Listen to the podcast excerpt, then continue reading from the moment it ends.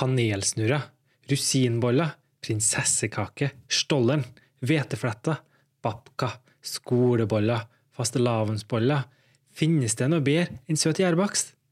Hva er triksene som gjør den ekstra god, luftig eller lettvint? Det skal vi finne ut av i dag.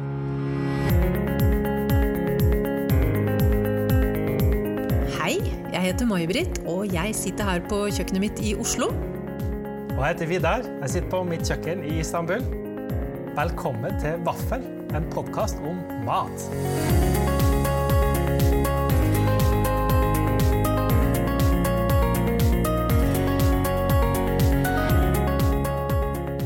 Hæ, tenker du kanskje? Skulle ikke May-Britt og Vidar snakke om lam i dag? Det var jo tross alt fårikålens dag denne uka her, og eh, jo da, det var planen det. Men eh, som vi alle vet, så er det ikke alltid ting går som planlagt her i livet. May-Britt har fått noen ekstravakter på jobb denne uka her, på toppen av ei allerede fullbooka uke, så eh, vi har utsatt landpraten til neste uke. Men fortvil ikke, det blir vaffel i dag òg. Og bare slapp av, du skal få slippe å høre på trøndersk hele den neste drøye halvtimen. Vi har nemlig fått inn en durabelig vikar, som iallfall i alle fall jeg, og kanskje du òg, har fulgt eh, ganske lenge. Helt siden matbloggingas spede begynnelser i Norge, da bildene var belyst av kjøkkenets gulvarme lyspærer. Matstyling var et fremmedord for de fleste av oss, og lenge før noen hadde fått så mye som en eneste krone i kompensasjon for det som den gang var hobbyprosjekter på kveldstid, som likevel inspirerte oss hver eneste dag til å prøve nye retter vi ikke hadde hørt om før. Dagens vikar var en av mine tre eller fire favoritter, som jeg leste ganske jevnlig allerede. Det må ha vært 2009-10, kanskje. Og hun holder det fremdeles mer enn gående. Har gitt ut ikke mindre enn fire kokebøker, skrevet masse matspalter og inspirert hele Norge til å bake eltefritt. Ina fra Mat på bordet, velkommen til Vaffel. Tusen takk. Det var en virkelig fin innledning, Vidar. Kjempekoselig. Ja, det var veldig koselig at du hadde lyst til å være med oss denne uka her. Ja. Som jeg forstår, så er du verken på studiokjøkkenet ditt eller hjemmekjøkkenet ditt, men du sitter på et hotellrom i Trondheim, er det sånn? Stemmer. Nesten like eksotisk som Istanbul, tenker jeg. Ja, det føles nesten sånn for min del. er Jeg er jo litt misunnelig på deg nå, det må jeg bare få si. Jeg har ikke vært der Ja. på så lenge. Så jeg skulle gjerne sittet på et hotellrom med utsikt over Palmehaven, men uh, Ja. det, er det, det er det vel ut. Tusen takk for at du har tatt deg tid eh, ut av programmet ditt der. Det er kjempehyggelig. Vi skal jo snakke i dag om noe som jeg vet du er veldig glad i, og hvis jeg får si det sjøl, så er jeg veldig glad i det sjøl òg. Mm. Og jeg tror ikke jeg tar i hvis jeg sier at det er noe de aller fleste nordmenn synes det her er noe av det aller beste de vet. Mm. Søt gjærbakst. Mm. Jeg tror også at de fleste har et forhold til uh, gjærbakst generelt, men uh, søt gjærbakst spesielt. Det er, eh, jeg tenker at Boller er liksom så veldig typisk uh, Eh. norsk. Ja? Boller, Kardemommeboller med rosiner og Ja. Det er, eh, det er noe urnorsk ved det. Det, og det er noe eget med det der med søt gjærbakst. Det er noe på den duft, dufta som kommer, og stemningen som er rundt bordet. Det, ja, det er noe eget. Mm. Eh, men du har jo bodd og, og har tilknyttet egentlig mange forskjellige land, ikke bare i Norge. Du har bodd i Sveits, Tyskland, USA og Canada, var det ikke sånn?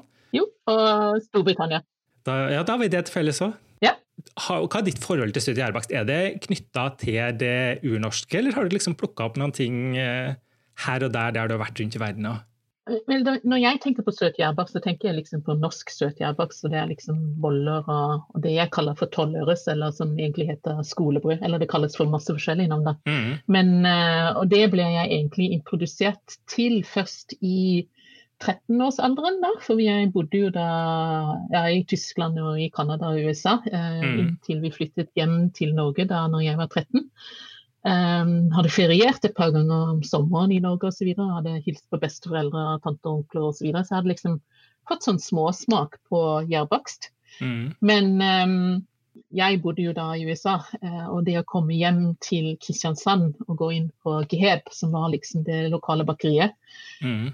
Det var, det var noe helt enestående. Jeg hadde aldri sett på maken. eh, Å komme inn på et bakeri hvor de solgte ferskt brød og boller og ja, tolvøres f.eks. Og berlinerboller hadde de av og til. og det var, det var noe helt, helt spesielt. og Jeg, jeg falt pladask med en gang. Jeg syns det var helt utrolig fascinerende. Jeg kunne bare spist meg full av brød og, og boller, egentlig. Gledet meg Ja. til å komme til Norge for å kunne spise boller. Jeg kjenner meg igjen i det der altså, fra tida i London. Ja. Det, var, det var en nedtur å gå på bakeri der. Det første du møter, er jo sånn kjedebakeri av typen Greggs. ikke sant? Og hva Mm. de har der? da? Jo, det er jo noe sånn der eh, friterte paier og med butterdeig og eh, ja, fabrikkproduserte brød, som de vel knapt hadde eh, passert den relativt lave terskelen til norske dagligvareforretninger, liksom.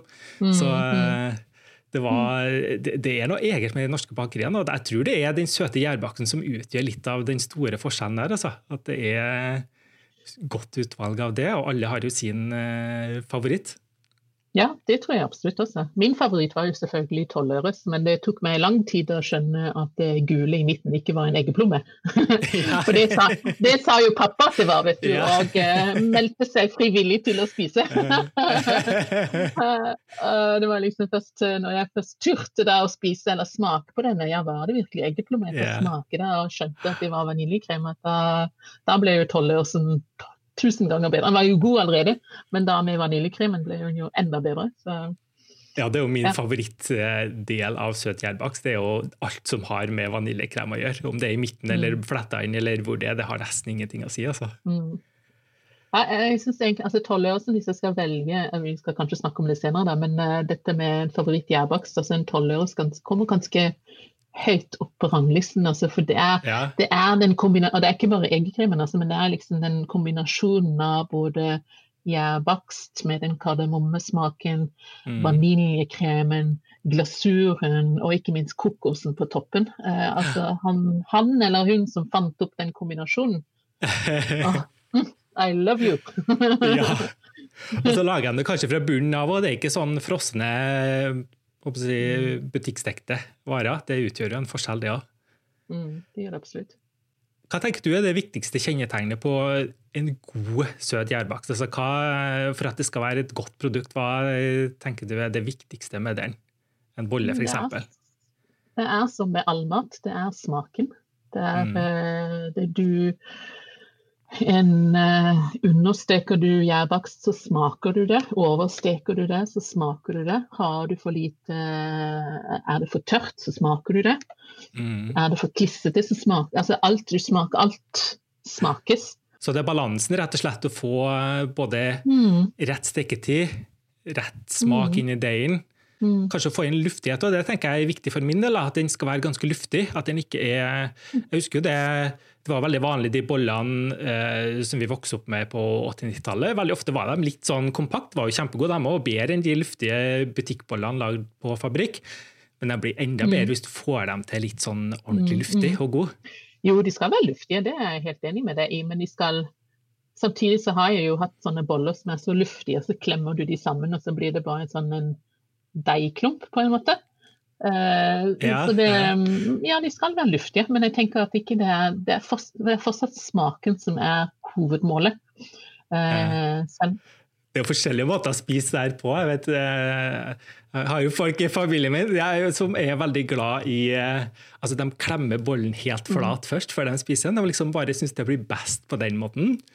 Og eh, jeg må få si det Når du snakker om stekt og understekt, og sånn, kanskje boller jeg er enig med deg i, men f.eks. kanelsnurrer og sånne ting. Ja.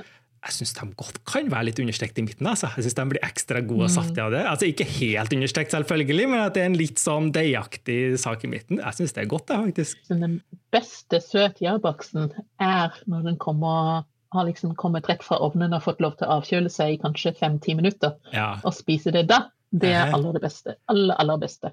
Helt ferskt. Så mens den er varm enda, men ikke ja. Ja. Og da får du også den der litt sånn deigkvaliteten, ikke sant? fordi det er så mye Ja, ja. at den- ikke har fått satt seg sånn ordentlig. ja. Og, da, og jeg, jeg, jeg er også en sånn guilty pleasure ved liksom at du åpner en bolle, og så pirker du ut innmaten og ruller det sammen til en, en ball og spiser. Det er lenge siden jeg har gjort det, altså, men det, det, ja, det er også godt. Nei, alt har sin sjarm. Mm. Ja, vi har jo hatt egentlig en sånn stor diskusjon hjemme hos oss også, for jeg, eh, jeg var alltid under det inntrykket av at min mann ikke likte boller med rosiner, for det hadde moren hans fortalt. Mhm. Mhm. Det kunne jeg ikke fatte, for det, det er jo også en annen ting. Altså, boller med eller uten rosiner, det kan vi også ha en lang Ja. diskusjon på, men for meg så må det være med. Aha. Men hun påsto jo alltid at han ikke likte boller med rosiner. Og så kom det for her, her en dag, sånn med 40 år med bollemaking, at jo da, han har ikke noe imot rosiner.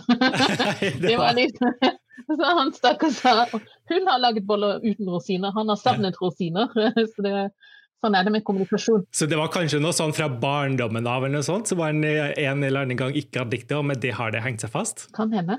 Og så har han bare fått boller uten rosiner, så har han ikke sagt noe. ikke sant? Og så plutselig når det kommer for dager at det er jo fordi han ikke liker rosiner, så sier han nei. Det stemmer ikke. ja, ja, ja. For hva er dine, altså jeg tenker vi må jo snakke litt om hvordan vi lager det her satirbaksen. 70-gjærbaksten. Altså, hva er det som er det viktigste for å lykkes med det? Altså, det er jo, de fleste deiger med søt gjærbakst har jo samme utgangspunkt. Det er hvetemel som regel. Eh, det er klart er noen som baker glutenfritt. Skal kanskje ikke bevege oss ut på det. Det blir Nei. litt mer sånn spesialsak. Uh, mm. Men hvetemel, uh, og så er det væske, som regel melk. Mm. Uh, det er noe fett inne i bildet, ofte smør. Mm. Gjær, selvfølgelig, for å få det heva. Hvis det er noen som bruker surdeig òg, men det blir jo veldig sånn nisje igjen. da. Mm. Kanskje noe krydder. Kardemomme. Jeg vet mange, For mange er det viktig. Jeg til, til oss er det ikke alltid vi hadde kardemomme i, i boller. Nei. Det viktigste når du skal lykkes med søt gjærbakst, er jo like mye i metoden kanskje, som det er i uh, de forskjellige ingrediensene som du bruker. Eller hva tenker du om det? Er det veldig viktig om du bruker f.eks. smør eller margarin, eller om du bruker helmelk eller skummamelk og den type ting? Det tenker jeg er litt sånn smakbehag. smakebehag. Jeg, vil, jeg, anbefaler alltid de som skal begynne å bake, eller ja, lage en bolledeig for aller første gang osv., det er jo å følge oppskriften. Eh, og der må du bare mm. bruke det som står i oppskriften, ikke gjøre noen eh, mm. Ikke prøve på å gjøre noe annet. Um, mm. Og så mens man etter hvert, når man får litt erfaring av å, å lage bolledeiger, så kan man liksom gjøre tilpasse til egen smak. Jeg liker f.eks. å bruke lettmelk. Jeg bruker stort sett alltid lettmelk. Eh, blander det også ofte mm. ut med vann. Er det for smaken, eller er det fordi det er det du pleier å ha i kjøleskapet? Det, altså Lettmelk er jo det jeg pleier å ha i kjøleskapet. så Jeg, gidder, jeg ja. går ikke ut og kjøper helmelk fordi jeg skal ha helmelk i boller. Nei. Nå har jeg aldri gjort en sånn smak... Det hadde vært interessant egentlig, jeg har gjort en sånn smakstest. og liksom Lage mm. boller med melk og smør, og boller, boller med lettmelk og margarin f.eks. Og liksom ja. virkelig du, ganske sikkert, du hadde helt sikkert smakt forskjell. Uh, så hvis du vil gå ordentlig nøye til verks, så gjør du det. Og så finner du ut av hva du liker best, og så lager du boller på den måten. Men for min del så har det liksom Ja, lettmelk har liksom uh, bruker jeg fordi det er det jeg har i kjøleskapet, det er det vi drikker til vanlig. Ja. Og så bruker jeg nå også uh, som oftest margarin istedenfor smør. Og det har også bakgrunn i at jeg jobbet jo da, eller jeg fikk et oppdrag med å jobbe med margarin. Mm -hmm rynket egentlig ganske mye på nesen eh, først, for jeg hadde jo aldri bakt med margarin før. Jeg har alltid bakt med smør. Ja. Så det var liksom Jeg måtte eh, bake litt først, før jeg liksom tok det oppdraget. Jeg måtte liksom sjekke ja, syns jeg det er godt. Syns mm. jeg det Og det må jeg innrømme at jeg har liksom Det oppdraget er nå ferdig, og jeg baker fortsatt med margarin. Mm. Ja, det gjør det. det gjør det. For margarin har jo fått et litt sånn frynsa rykte etter at det var veldig mye bruk i etterkrigstida og langt inn på 80- og 90-tallet. Så fikk det litt sånn frynsa helsemessig mm. rykte. Mm. Eh, som kanskje gjorde at mange gikk over til smør igjen. Da, mm. og, og også pga. smaken. Men det har vel kanskje noen andre egenskaper som gjør at det egner seg like godt i gjærbak, syns du? da? Er det, yes. Hva er det som gjør at du føler at det funker så, altså bedre enn smør? Jeg vil ikke si at det fungerer bedre enn smør, men det er liksom bare margarin har jeg nå for hånden, både for matlaging generelt og mm. for bakst. Eh, det er bare blitt en, eh, godt, det er blitt en vane av å gå Vanen var før å alltid bruke smør, og nå er vanen alltid å bruke ja, ja, Eller ikke alltid bruke min, men stort sett margarin. Um, jeg gjør det ikke for noen helse Altså jeg har ikke noe sånn Tenker liksom ikke å, nå baker jeg litt mer helsevennlige boller. En bolle er jo fortsatt en bolle. Det er fortsatt fett og smør og sukker og kalorier og kosemat, sånn sett. Eh, men det er mer en sånn smaksting, tenker jeg. Eh, for mm. min del så syns jeg egentlig at eh, Jeg syns jeg får luftigere boller f.eks. når jeg bruker margarin. Eh. Jeg syns eh, smaken er bedre. Mm. Men det, igjen, det er jo bare en synsing fra min side. Jeg har ikke noe eh, fakta å komme med sånn sett. Jeg liker å jobbe med margarin. Gjør det. Så er jo litt smak og behag og sånne ting. er det jo. Helt klart. Det er jo selvfølgelig ting jeg ikke hadde brukt eh, margarin til. ikke sant? Skal jeg la, liksom lage shortbread f.eks., som Mm. har Da skal du ha den smørsmaken. Da hadde Ja, jeg ikke ja, brukt margarin. Da hadde jeg selvfølgelig brukt smør. Ja, ja, ja. Der det er viktig å ha smørsmaken, bruker jeg selvfølgelig smør. Mm. Der det ikke er viktig å ha smørsmaken, eller hvor du vil dempe det litt Pepperkaker f.eks. er et sånn typisk eh, Mm. godt eksempel. Mm. Du får faktisk litt sprøere pepperkaker med margarin enn med smør. Igjen så har jeg ikke noe science for liksom Ja. å kunne mm, dekke det argumentet. Men igjen, altså pepperkaker er en ting, der er ikke smørsmaken viktig i det hele tatt, for Ja. da skal du smake krydder. Ja, det skal jo det. Og det, det, det kommer tilbake til at det, det er litt forskjellige egenskaper. Så det, det er jo naturlig egentlig at det kan bli litt forskjellig resultat, men kanskje ikke Mm. veldig stort, fordi de er jo meninga skal ligne ganske mye på hverandre. Og så tenker Ja. jeg det er en ting som var ganske revolusjonerende for eh, min del, og tror jeg var ganske mange òg. Kanskje litt derfor mange av oss har gått fra de der litt eh, kompakte bollene til mer luftige boller. var jo da vi lærte eh, å blande inn smøret etter at deigen er blitt blanda. Det, Mm. det var jo for min del i alle fall en stor eh, endring i eh, hvordan eh, Mm. bollene ble. Det, for min del var jo det med den boka til han bakeren i Lom, Morten Skakenda, som Ja. Mm. kom eh, Ja, når var den kom, da? Det var vel en ti pluss år siden, tenker jeg. Er det så lenge siden? Ja. Ja, jeg tror det var det, ja. Ja. ja. Der var jo altså, den revolusjonerende tingen for min, det var ikke revolusjonerende sånn generelt sett, men for min del i alle fall, så mm. var jo det da at han blander sammen deigen utenom smøret i, mm. og elter det i en sånn ti minutter kvarter, og så har oppi eh, smøret i eh, terninga etter hvert, eh, og elter det ferdig. Fordi det gjør at glutennettverket og bollene, eller bolledeigen binder seg sammen på en helt annen måte, som gjør at du får luftigere brød. Da. Så, så det har jo litt med metode å gjøre og ikke bare, ikke bare den rene ingrediensen. Jeg tror disse bakerne har masse sånne hemmelige triks videre, som de bare forteller oss sånn dryppvis om. Ja. som for og noen av dem bruker, bruker jo litt sånn varer som vi kanskje ikke har tilgang på. tenker jeg. Det kan jo godt være at det tilsettes litt ekstra gluten og litt uh, uh, ja, forskjellige midler som gjør at det blir eh, enda bedre konsistens da, uh, Mm, på, på ting. Jeg tenker f.eks. den kanelbollen som du kjøper på Starbucks. Den er Mm. kanskje ikke laga på samme måte som de kanelsnurrene du får kjøpt på bakeriet Lom. Nei. For den er jo, kommer i en sånn plastikinnpakning og like myk og fin. Gudene vet hvor lenge etter den uh, var lagd. Så Ja. den er det nok litt flere ingredienser. Jeg tror ikke det, Ja, ja, ja. det viktigste der er ikke når, eh, når smøret ble tilsatt. Nei, om det var smør. En annen viktig ting er jo det der med gjær. Yeah. Eh, mange lurer på det der med, det må jeg si, det lurer jeg veldig på, det er forskjellen på rød og blå og gjær. For det er jo noe som har kommet etter at jeg flytta ut fra Norge, så jeg har egentlig aldri fått noe sånn forhold til det. Mm. Og jeg ser jo det når eh, Jeg, legger jo ikke så mye ut så mye eh, søte bakeoppskrifter, men det gjør jo du på bloggen din, og har det i, i bøkene dine òg. Og eh, du får, jeg ser dere får en del spørsmål om det av og til. ikke sant? Skal man bruke rød eller blå gjær? Skal du bruke tørrgjær? eh, vanlig gjær? Eh, hva, hva gjør du? Ja, ja, så når jeg begynte å bake som tenåring, så brukte jeg alltid ferskgjær. Det var slik jeg lærte å lage gjærbakst. Mm. Eh, men nå, altså går du i butikken nå f.eks., så eh, finner du selvfølgelig ferskgjær i kjøleskapet eller kjøledisken. Du får også surdeig i kjøledisken. Mm. Eh, så går du over i tørrvarer, så finner du tørrgjær til pizza og gjær til uh, søtbakst og Ja. gjær til brød osv. Så, videre. så de har differensiert da veldig mye Ja. med formålet på hva skal du bake. Ja. Ok, da trenger du sånt gjær. Er det viktig, eller er det mest en markedsføringsgimmick, tror du?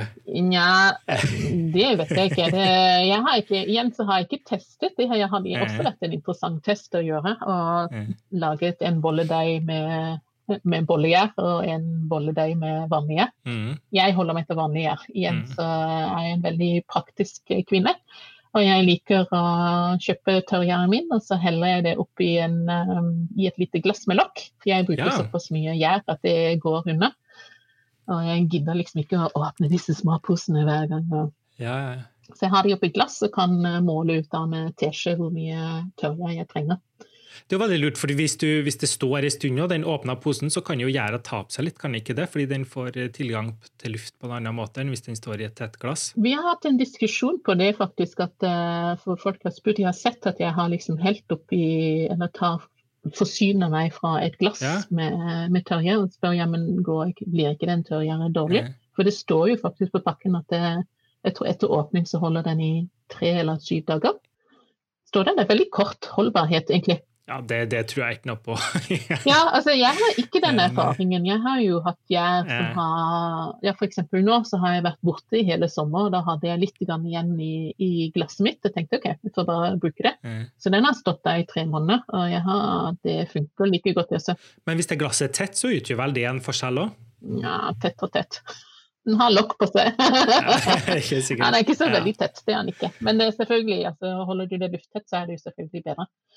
For tørrgjæra er jo deaktivert på en måte, så den trenger mm. å reaktiveres. Så det er jo eh, veldig, veldig holdbart, egentlig, i forhold til vanlig gjær, for å si det sånn. Er du i tvil om gjæret ditt eh, lever fortsatt, så er det jo bare å aktivere det. ikke sant? Legge det i litt mm. lunkent vann og se om det skjer noe. Om det begynner å boble, så lever det. Ja, ja. Skjer det ingenting, så kan du kaste det. Veldig godt tips. Men du har jo en del oppskrifter. Du har jo eh, stått for eh, ja, kanskje det som blir den neste revolusjonen, da, etter den der eh, inkorporeringa av smør mm. litt senere i LT-prosessen, så har jo du mm. kommet med en helt ny game changer i år. I den siste boka di som handler om LT-fri bakst. For da tar du det konseptet som du kanskje har blitt mest forbundet med, da, med mm. LT-fritt brød, mm. og overfører det til søt gjærbakst, rett og slett. Mm, mm. Og det funker? Det funker. Jeg skjønner ikke eh, hvorfor jeg ikke gjorde det før, rett og slett. det funker til de grader. Det er så ja. uh, igjen altså, Det som er det fine med LT-fri bakst generelt, er jo at ikke du trenger elte. Og, mm. og, for mange så er akkurat den eltingen det er liksom bøygen for liksom å komme seg inn i gjærbakst. Enten har mm. de altså, for, for, nå har man liksom kommet dit at uh, man har egentlig komplisert prosessen. ikke sant? Man skal nå ha smøret eller margarin i etterpå. Man liksom skal, og så skal man elte veldig lenge. Man skal kanskje gjerne elte ja, ja. Fem, fem, minutter før smøret eller margarin kommer i. Og så skal man gjerne elte ti minutter til. Og den oppskrifta som jeg bruker, der er det et kvarter ja. før og et kvarter etter. Så en halvtime til sammen. Så da har du ikke kjøkkenmaskin så ble jo det litt håpløst. For uh, du kan ikke stå der mm. og elte for han i en time. Det, det, gjør jo de fleste mm. ikke. Og så er det dette med glutentesten, ikke sant? at du skal kunne dra ut deigen og ha denne ja. fantastiske ja, for Glutentesten det er når du, du, du på en måte har en, en vanlig deig som du mm. elter, og uh, du skal sjekke om den er ferdig elta ved å rett og slett bare å dra den litt fra hverandre, og så se om du får, får til å få den da, så tynn at den er gjennomsiktig nesten før den sprekker. Det er det som er glutentesten. Da er den på en måte ferdig heva, eller ferdig ja. elta. Mens hvis den eh, sprekker opp mye veldig lett, så må den eltes litt mer. Og det slipper du med eltefri bakst. Ja, det gjør du. Du slipper veldig mye Du slipper veldig mye med eltefri bakst, faktisk. Men jeg bare tenker at det er, ja. altså det er alltid også med gjærbakst er det mange veier til Rom. ikke sant? Det er, eh, mm. Og man kan jo diskutere om eller sluttproduktet er like godt, men man snakker liksom om små variasjoner. Mm. Uh, så smått, tenker jeg, at uh, mitt mål er jo egentlig å få folk inn på kjøkkenet og lage, i dette tilfellet, ja. mm. Og da mm. Den enkleste måten å, få folk til å bake, er jo til å gi dem en metode som er enkel, uh, som ikke krever mye mm. utstyr, uh, og som, mm. som, som, ikke virker skremmende. ikke sant? Så det er liksom, Her snakker vi om å røre, mm. hvile, bake. Det er liksom de tre, Her er det ikke noe du, ja, du slipper elting, du slipper, slipper testing, du Ja, du slipper veldig mye komplisert, eh, komplikasjoner. Da, sånn sett. Du slipper til og med kanskje klissete fingre med jevne mellomrom? Det gjør du. Ja. Eh, det gjør du helt klart. Så hvordan fungerer den eh, prosessen der? Altså du Rører du da sammen alt på, på forhånd, og så må det stå altså Vanlig eltefritt brød står jo hevet på kjøkkenbenken. Er det samme med med eltefri søt gjærbakst òg, eller er det, hvordan er metoden der? Jeg, jeg opplevde, for jeg forsøkte jo selvfølgelig å, å la en, en søt gjærdeig stå på benken i 12-20 mm. timer. Og merket at det, det syrnet lett. Uh, du har jo tross alt gjerne mm -hmm. egg i, og melk og litt fett, smør eller margarin osv. Mm -hmm. Den ble litt sånn gråaktig Det var liksom ikke helt 100 Eller det jeg gjorde. Jeg har jo lest det. Jeg er ikke den første som gjør dette. Det er ikke, er ikke jeg som har oppfunnet dette heller. Jeg har jo lest meg opp til hvordan andre har funnet frem til og forsøkt uh, seg på forskjellige metoder. Ja, hvor har du plukka opp det her? Var det i utlandet, eller? Ja, egentlig. I uh, amerikanske blogger. Jeg kjøpte noen amerikanske bøker osv. Hele denne eltefri altså eltefri, eltefritt brød grunner jo uh, Det var jo Jim Leahy fra The Sullivan, Sullivan Bakery i New York som var egentlig den første som åpnet denne hemmeligheten da, til publikum. Ja, ja. Igjen så er det en, en, en hemmelighet bakgrunnen har sittet på i hundreårsvis. Ja, ikke sant? Det er liksom, I moderne tid, i alle fall, det er jo, hvis du går helt tilbake, så er det jo så er det kanskje den mest opprinnelige måten å bake brød på. Helt, helt sikkert. Da blander de jo egentlig bare rett og slett eh, sammen en ny deig i det samme mm. baketrauget. Mm. Og eh, deigrestene som lå igjen i den, var liksom nok til å gjære den, så du fikk, mm. fikk gjæring i det etter hvert. Så fant de ut at hvis de skulle ha langtidsheving og prosessen skulle gå av seg selv, så måtte de ha nok Det er to elementer. Du skal ha nok væske, altså mm. deigen din skal være relativt våt, og du må ha tid slik at mm. deigen gjør den jobben uh, du hadde gjort ved eltingen. Da, rett og slett. Elting ja. er jo egentlig bare en form for uh, å fremskynde prosessen. Du liksom ja. Det er en aggressiv måte å sette prosessen i gang, men hvis du lar uh, tiden hvis du bruker, eller har tiden til hjelp, så mm. skjer ting av seg selv. Men, ja. men, du må gi den tid, da. Og det er jo gjerne 12 eller 20 timer. da. Og da må du bruke mye mindre gjær, for det, hvis ikke så blir det overheva ja. for tidlig. Og da spiser jo gjæra ja. opp alt det som er av jeg på å si, bindevev i deigen, så den blir bare ja. flat og kjip. Og så bruker du kaldvæske også. Ja, nettopp. Mm. Ja. Og, det, og, det, er jo et generelt triks, egentlig, altså, eller eh, trik, triks kanskje, men tips å bruke mm. relativt kjølig væske hvis du skal elte inn. Da. Fordi eh, eh eltinga ja. fører jo ofte til at temperaturen hever. Altså, jeg husker Fra barndommen av så var det liksom det skulle være fingervarmt. Det, mm. det er en risikosport, altså, fordi da, ja. da, er det veldig fort at den deigtemperaturen stiger såpass høyt at gjæret faktisk mm. begynner å dø. Og da får du ganske kompakte boller. Men, men i eltefri bakst, da, så vil jo temperaturen gjøre at hvis det er kald væske, så bruker den gjæra litt ja. lengre tid på å heve seg. Men hvis du bruker litt sånn varmere væske, så går det jo mye fortere, og da går det mm. kanskje litt for fort igjen, da. Ja. Igjen så, Nå begynner vi å snakke komplisert, og folk kommer til å tenke å nei, dette blir altfor vanskelig. Ja. Det er ikke vanskelig. vi må nøle litt, vet du. Vi må, vi må dekke alle nivå her. Ja, vi må nøle litt, men samtidig så tenker jeg altså, poenget er jo å få folk inn på kjøkkenet ja. og lage mat. og da kan nerding være litt ja. farlig også. Og poenget er at du blander sammen alt ikke sant, da på uh, kvelden, og så fant du ut det at du kan ikke la det stå i romtemperatur så lenge, for da ble det litt syrlig. Så da, hva gjør du da? Setter du det i kjøleskapet, eller hvordan løste du det? Ja, Forskjellen egentlig på altså, Hvis vi går for eltefritt brød, da, eksempel, da blander jeg det tørre, og så heller jeg i mm. vann. Eh, og så mm. rører jeg det sammen, og så lar jeg det stå på kjøkkenbenken gjerne over natten. Jeg sier 12-20 timer. Eh, med en søt gjærbakst, og for brød så bruker jeg veldig lite gjær. Jeg bruker et kvart teskje gjær mot 600 gram mel. Altså for et helt stort brød så er det et mhm. kvart teskje. For i søt gjærbakst så ønsker jeg at den første heveprosessen skal gå raskere. Så da bruker jeg mhm. faktisk fingervarmvæske. Eh, jeg bruker mer gjær. Jeg bruker to teskjeer f.eks. For, for å lage ja, da kan du lage sånn en, en deig som gir deg 12-16 boller, hvis du liksom skal mm -hmm. forstå hvor mye deig vi snakker om. Um, men igjen så er prinsippet også det at jeg blander det tørre, og så blander jeg det våte, og så blander jeg det våte i det tørre. Rører det sammen. Mm -hmm. Da lar jeg det stå i romtemperatur i to timer, og da får den hevet seg til dobbel størrelse. Fordi mm -hmm. Det er godt mhm. og varmt og lunt, og du har rørt litt og aktivisert prosessen. Og så setter ja. jeg det i kjøleskapet. Ja, nettopp. Eh, dette er også en deig som er ganske våt, så hvis du skal begynne å bruke den med det samme, så blir den veldig klissete. Men Ja. der igjen, så fordi vi setter det i kjøleskapet dagen etter eh, der, I kjøleskapet så jeg lar den Mm. Jeg hadde ikke brukt den før den var ordentlig gjennomkjølt. da. Jeg, pleier, jeg Mm. liker gjerne å la den stå over natten, men du kan også la den stå si fire-fem timer da en gjennomkjølt. Da kan du bruke den. Mm. Men den kan faktisk stå der opp Jeg har liksom latt den stå i fem døgn der. Oi!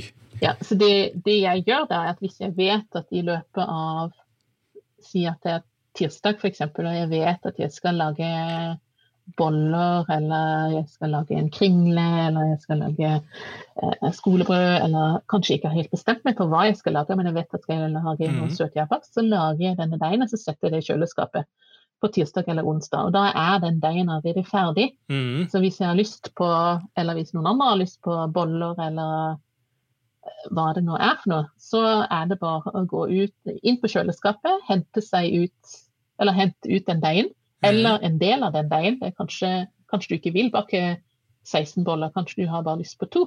Ja. Så da bare tar du ut det du trenger. Eh, lager, altså tilsetter rosiner hvis du skal ha rosinboller. Tilsetter sjokolade hvis du har sjokoladeboller. Lager en liten kringle hvis det er det du har lyst på. Det er jo genialt, for da kan du jo bare porsjonere ut og få fersk gjærbakst når du vil. Ja. For det er jo litt av Mhm. problemet med å lage boller og andre ting. Sånn. Mhm. Ellers er jo at de er jo, Mhm. som du sier, aller best når de er fremdeles litt sånn eh, Mhm. Og så neste dag er de ikke like gode, så da må de liksom rett i frysen. Og så må du gå gjennom da den prosessen med å varme det opp. på en måte. Mm. Og, men hvis du da bare kan la deigen stå i kjøleskapet og på en måte Mm. porsjonere det er jo litt skummelt òg, da. da blir det fort ballak hver dag. da. I, Ja, du, du må jo vente litt der. Ikke sant? Du må jo, eh, den, den deigen er jo kald. Du, den varmes jo opp med at du former den litt i, i, Ja. i, i hendene osv. At den aktiviserer igjen. Den skal jo stå og Mm. heve litt før du setter den i ovnen. Ja. Men ja, i prinsipp så går det veldig fort å lage seg en bolle. Hvis du skal si at du er liksom, eh, det er ettermiddag og du har lyst på noe kveldskos, eller si at du skal ut på tur da, for eksempel på en søndag, og så Mm. tenker du at ah, det hadde vært godt med noen boller når vi kom hjem. Ja. Så før du går på tur, så kan du jo ta ut disse bollene, forme de, sette de på stekeplate, dekke de til, la de heve mens du er ute på tur. ja. Komme tilbake, sette de i ovnen, og så har du ferske boller på 10-15 minutter. Perfekte søndagskaffen. Ja, det er jo det. Så sånn sett Ja, ja, så er det farlig at de er det. Og det bruker du da til alle typer søt gjærbakst, egentlig? Ja, for det, det jeg gjør, er at jeg lager i grunnen en grunndeig. ikke sant? Og det er jo denne Mm. med Jeg, jeg liker å ha kardemomme i deigen min. Eh, Det kan du sløyfe hvis du Mm. vil. Du kan lage bare en helt vanlig eh, søt gjærdeig. Mm. Og så kan du da velge Si at du har lyst til lage skolebrød. Da kan du lage skolebrød med det. Eller hvis du vil lage en kringle i stedet. Mm. Eller om du har lyst til å lage rosinboller, sjokoladeboller, hveteboller osv. Da, da står du helt fleksibelt med den deigen. Du har ikke definert nøyaktig hva den deigen skal brukes til. Ja, ja. Så um, da er du ja, kan du ta litt sånn ting på sparket. da. Går det an å lage sånn flettebrød og sånne ting med det, eller er den, er- den er like fleksibel Ja, som vanlig deig når du har fått den i kjøleskapet? Ja. Mm. Den, er, altså, den deigen er helt fantastisk å jobbe med. Mm. Den, er, um, den, den er jo kald når du tar den ut, og den er ganske stiv og hard. Det jeg gjør når jeg liksom skal lage boller, f.eks., uh, så kjevler jeg den ut. Ja. uh, og så strør jeg rosiner på. Mhm. Og så ruller jeg den sammen, akkurat som om du skulle laget en eh, kanelsnurr. ikke sant? Eller en, Mm. rulle, en, en, eh, rullekake der du bare ruller den sammen. Mhm. Skjærer du den i ender, og så triller jeg de emnene til bollene.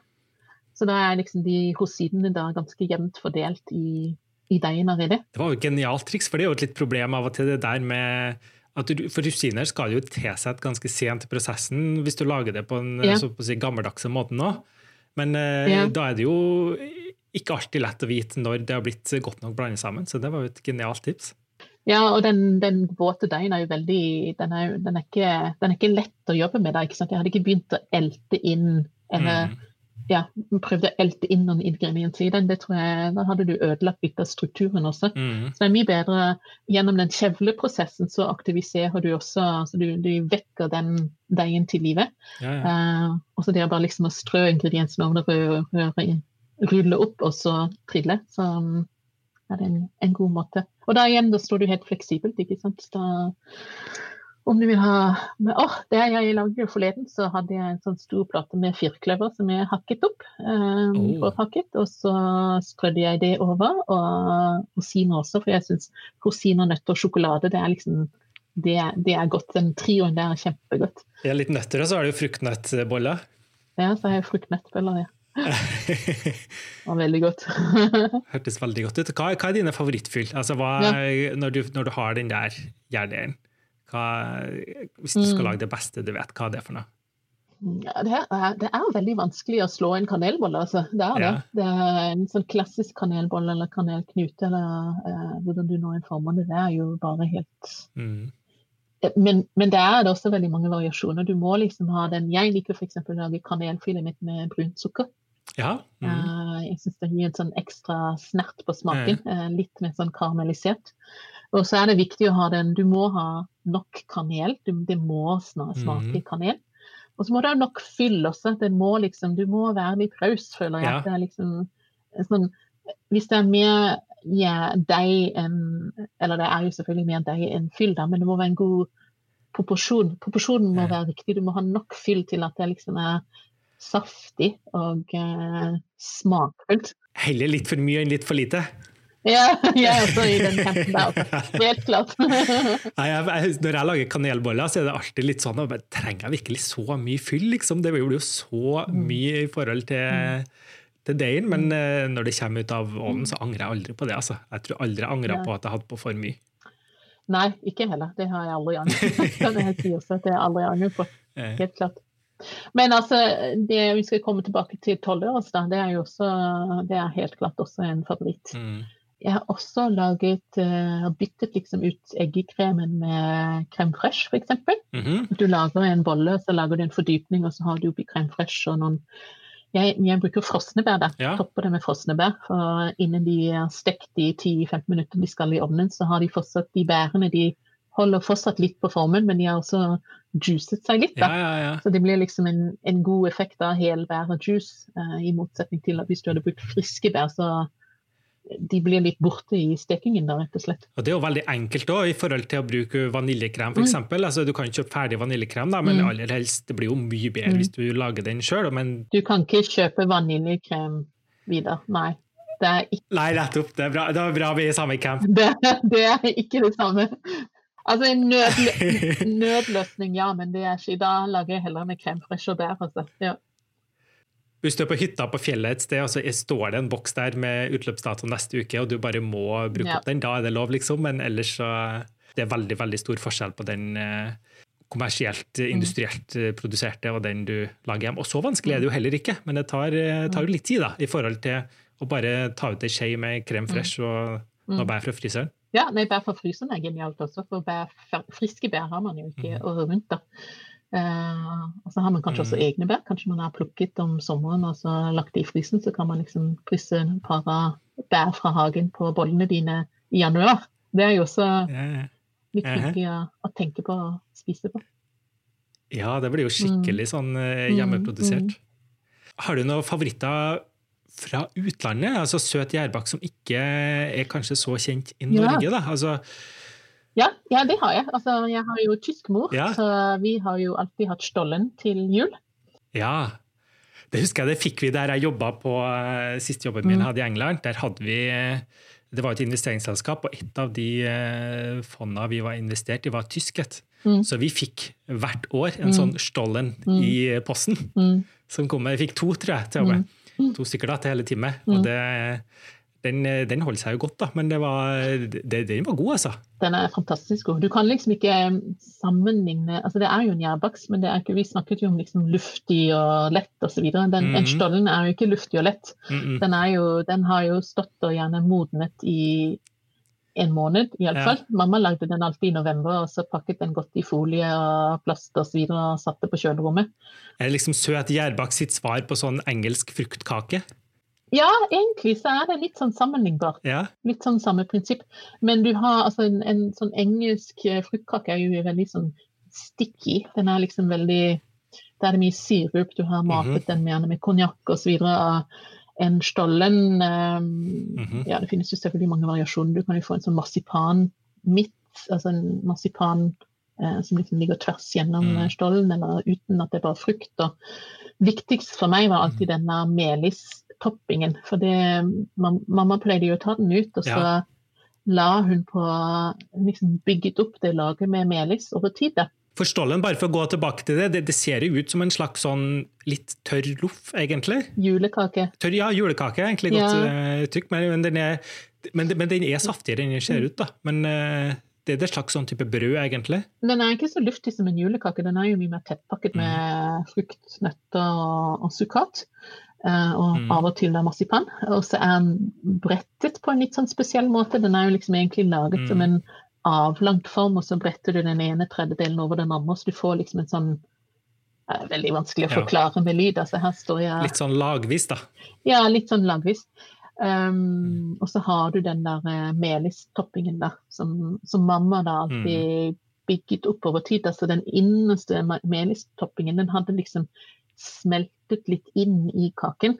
Og det som Ah, så det er sånn det er for jeg husker det var en sånn eh, eh, ja, melistopping på den vi fikk òg, men det er ikke, Mm. ikke utblanda melis, da, men rett og slett bare er melispulveret. melis, ja. Som, som er, men da kan jeg forstå ja, at de kanskje har strødd litt over tid, altså litt Ja. eh, hver dag over tid. Det, Ja. det kan jeg godt forstå, ja. For det føltes litt sånn som du sa, at det var nesten en sånn flytende overgang fra Ja. brødet til melisen. Også det som var innerst, det var liksom litt mer sånn hardpakka, mens det Ja. som var øverst, var jo ganske fluffy. Ja. Men vi aldri, hun hadde alltid et sånn fersksprø med melis på toppen før hun serverte det. Så det var helt Ja. sånn fint og hvit og pudderaktig på toppen. Og så, men så var det kanskje en sånn ikke akkurat en halv, men et par millimeter med melis da på toppen, hvor du kunne liksom se at det var ganske eh, litt sånn, litt, nesten litt, ikke våt da, den er ikke våt da, men den har liksom smeltet inn i kaken Uh, til du Ja. kommer liksom over til det helt uh, ferske laget på toppen. Ja. Nå nerder vi igjen. Ja, ja, men jeg synes det, var, det fikk jeg litt sånn minner tilbake til. Det husker jeg, Mm. Den gleda meg litt til, den der stollen som Mm. kom eh, hver jul. Var. Jeg tror det var, De eide en sånn bakerikjede, et av de selskapene vi investerte i. En annen ting mamma lagde også, det var liksom, det var liksom jul, det var gjærbaksten til jul, men gjærbaksten til sommer, sommeren var jo strøselkuchen, Ja, som er i prinsipp eh, Det er en søt gjærdeig som du liksom kjevler ut til en pizza, eller som i en, i en lampanne, da. uh-huh. Så du kjevler den ut ganske En sånn eh, gammeldags 80-tallspizza. Ja. Ja som du fylte på Mhm. med bolognese og jarlsbøk på toppen. ja. Ja. ja, eh, dette var jo da Det, det kjevlet ut, og så lot du det heve, og så lagde du en smuldertopping. der. En, en topping av en blanding av Ah. sukker og mel og, og smør eller margarin. Og så hadde du på Det kan du variere. Du kan jo ha marmelade på toppen av den gjærdeigen, og så ha på smuldretoppingen. smuldertoppingen. Du kan ha friske bær på den gjærdeigen, Mhm. og så smuldretoppingen osv. Men du hadde en sånn trelagskake der hvor du hadde bunnen var gjærdeig, en søt gjærdeig, og så hadde du Mhm. en eller annen fyll, om det var bær eller syltetøy eller Mm. hva det nå enn er. Og så hadde du den der strøseltoppingen, altså den smuldretoppingen på toppen. Og det skjærer du da opp i igjen, sånn som med all gjærbakst. Der smaker den jo aller best når den er helt fersk og Uh-huh. kommer litt sånn lunken. Jeg liksom har fått lov til å hvile litt, men er fortsatt lunken. Uh-huh. Så skjæres den da i ruter, og så spiser du det. Det er jo det er også en sånn nydelig kombinasjon av den myke gjærdeigen under med syltetøy eller bær, og så den der crunchy smuldertoppingen på toppen. Det er altså kjempegodt. Ja, ja, ja. Så um, det er også en sånn barndomsminne for min del, ja. Mm. Og så var det én ting til da når vi snakker om jærbaks, og det var jo berlinerboller. Selvfølgelig. Min mor er jo fra Berlin. ja. Så vi, jo, vi lagde jo alltid berlinerboller, og det lagde vi alltid til nyttår. Uh-huh. For på nyttårsfesten, så var liksom eh, før klokken ble tolv, så fikk vi servert et fat med berlinerboller. Mm. Og alle var liksom fylt med syltetøy, bortsett fra én som var fylt med sennep. Og den som fikk Å, så er det sånn omvendt mandel i grøten. Ja, nettopp. Helt riktig. Det er sånn mannlig grøtenopplegg. Men det som var liksom for liksom som plaster på såret for den som fikk den med sennep, det var jo en god ting å få den med sennep, for det betydde jo da at du ville ha et godt år fremover. Ja, ja. Man kan jo kanskje spørre seg om hvor eh, god prediksjon det var, eller ikke, men eh, Det var jo mer for morsomhetens skyld, da. Men, eh, men det var liksom alltid Da satt vi der med hver vår bolle og liksom spiste små, spiste litt før vi kom til fylle. Vi liksom orket ikke ha en munnfull med sennep. Ja, det var en morsom tradisjon.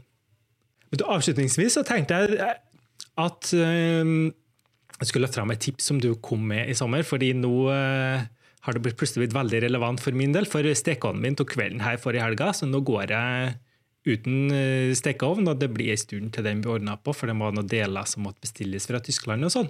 Mm. Men da har du løsningen, hvis jeg har tenkt å ha lyst til å lage kanelboller eller eh, noe sånt. ting.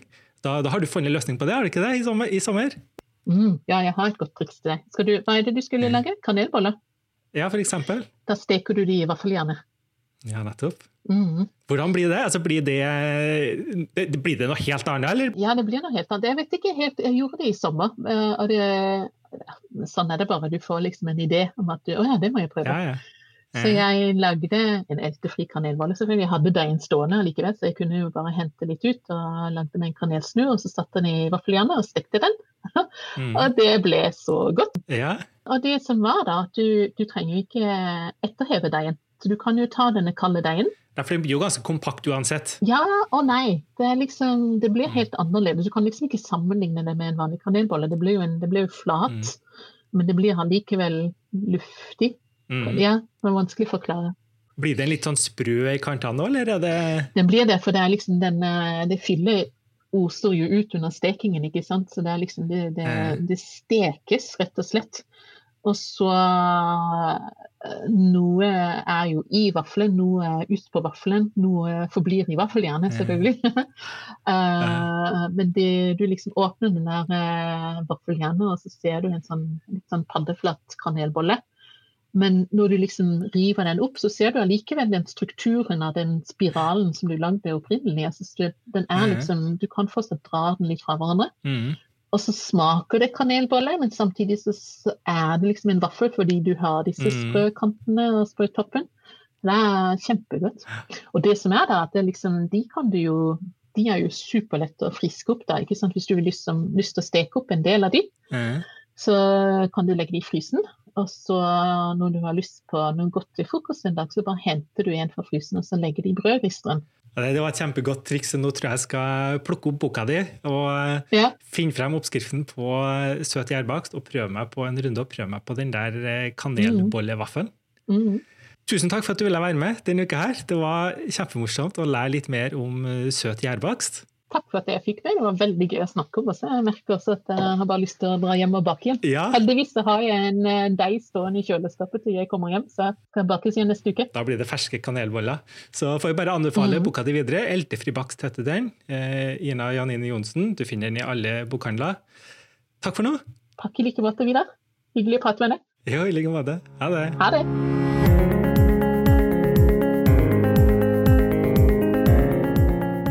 Fikk du like lyst som meg til å løpe kjøkkenet og lage noe godt til søndagskaffen, finner du noen av oppskriftene vi snakka om i nyhetsbrevet vårt.